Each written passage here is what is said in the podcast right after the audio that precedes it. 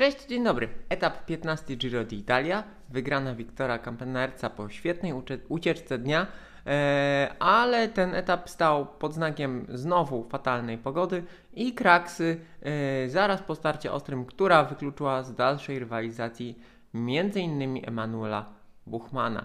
Czekamy do, na Dolomity, ale zanim Dolomity, e, to ja, czyli Marek Tyniec, który codziennie wieczorem komentuje dla Was wydarzenia na Giro d'Italia. Opowiem o tym, co dziś się wydarzyło.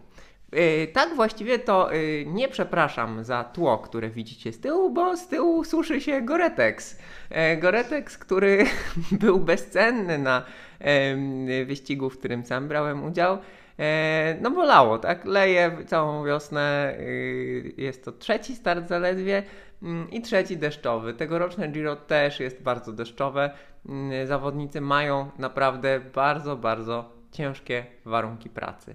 E, I te ciężkie warunki pracy były dziś również e, widoczne, utrudniały życie. Wszystko zaczęło się od e, paskudnej kraksy podczas przejazdu taką groblą, no, gdzie leżało wielu zawodników. Dojazd karetek był utrudniony. Wszystko trwało Mm, e, kilkadziesiąt minut, w związku z tym etap w tej pierwszej fazie został zneutralizowany, no bo karetki tak naprawdę y, nie było ich, tak? E, no i wyścig nie może jechać bez karetek. Mm, słuchajcie, no to, że to, że ucierpiał e, Buchman, Guerreiro i Jos van Hemden, no to jeszcze nic. Tak naprawdę nagrywam to krótko po etapie i właściwie nie ma jeszcze pełnych raportów medycznych. Warto sprawdzać, warto sprawdzać, e, kto jest poobcierany, poobijany, e, kto gdzieś tam faktycznie leżał, może ma nawet jakieś złamania, o których nie wie. Mm, więc y, no to wszystko będzie odczuwalne jutro. Jutro na etapie w Dolomitach. I znów, jak widać, y, wielki tour to jest ciągłość, tak? To, to są dni y, wynikające jeden z drugiego. Mm, no i taka kraksa jak dzisiejsza nie tylko wykluczyła zawodnika, który miał, myślę, realne szanse na podium, bo Emanuel Buchmann był szósty w klasyfikacji generalnej i do pozycji medalowej, czyli do prezentacji na podium. W Mediolanie miał stosunkowo niedaleko. E, no i biorąc pod uwagę, że on jest takim kolarzem, który jeżeli jest w formie, to potrafi e, mocno i regularnie jechać, to była na to szansa. Niestety, niestety już e, jutro nie stanie na starcie. No więc inni mają łatwiej, a on no, na pewno jest mu niezmiernie przykro. Myślę, że nam też.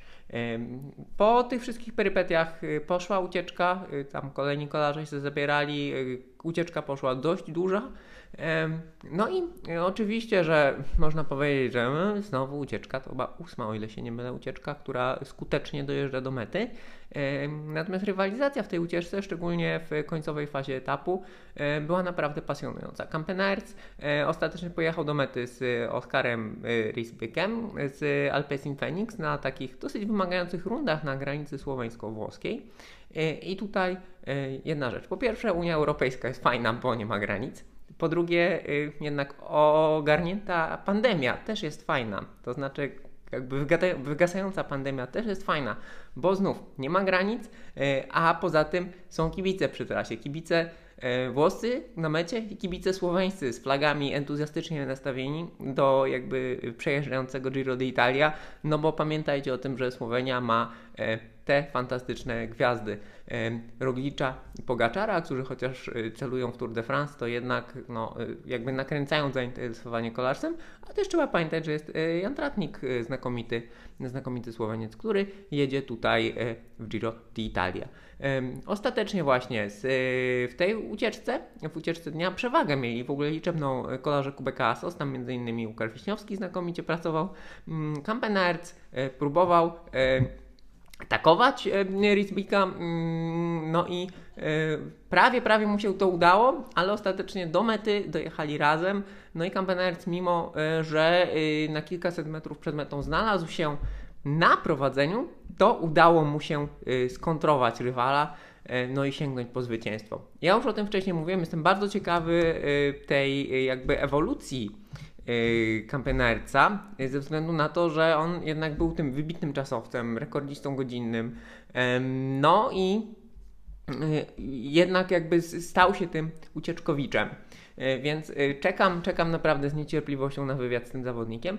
Następna rzecz. Pamiętajcie, że grupa Kubeka Asos w zeszłym roku to byli totalnie outsiderzy, a w tym roku mają trzy wygrane etapowe w Giro. Jadą świetnie. Co prawda, co prawda Nicolo nie stanął dzisiaj na starcie, ułatwiając nieco Saganowi walkę w klasyfikacji punktowej, bo jego głównym rywalem teraz będzie Cimolai, który ma troszkę większą stratę. Sagan powinien, jeżeli dojedzie do mety, poradzić sobie e, na premiach lotnych, żeby e, z Cimolajem, z Cimolajem tę koszulkę E, wygrać. No i e, tak to wszystko w tym momencie wygląda. Czekamy do, na Dolomity, jutro królewski etap Giro.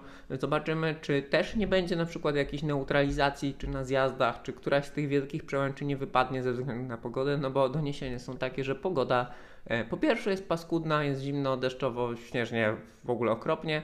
Mm, no więc pamiętajcie, że jednak protokół pogodowy działa, bezpieczeństwo jest najważniejsze, więc różne rzeczy mogą się E, dziać. E, tym bardziej właśnie, że e, Buchman wypadł do podium, więcej kolarzy ma teraz dostęp, szanse na podium ma więcej kolarzy, ktoś może osłabnąć, ktoś może zaatakować, wykorzystać niekorzystne warunki.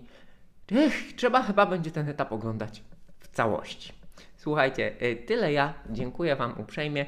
Zachęcam do subskrypcji kanału, do podzielenia się nim z Waszymi kolarskimi przyjaciółmi. Dzięki wielkie, cześć.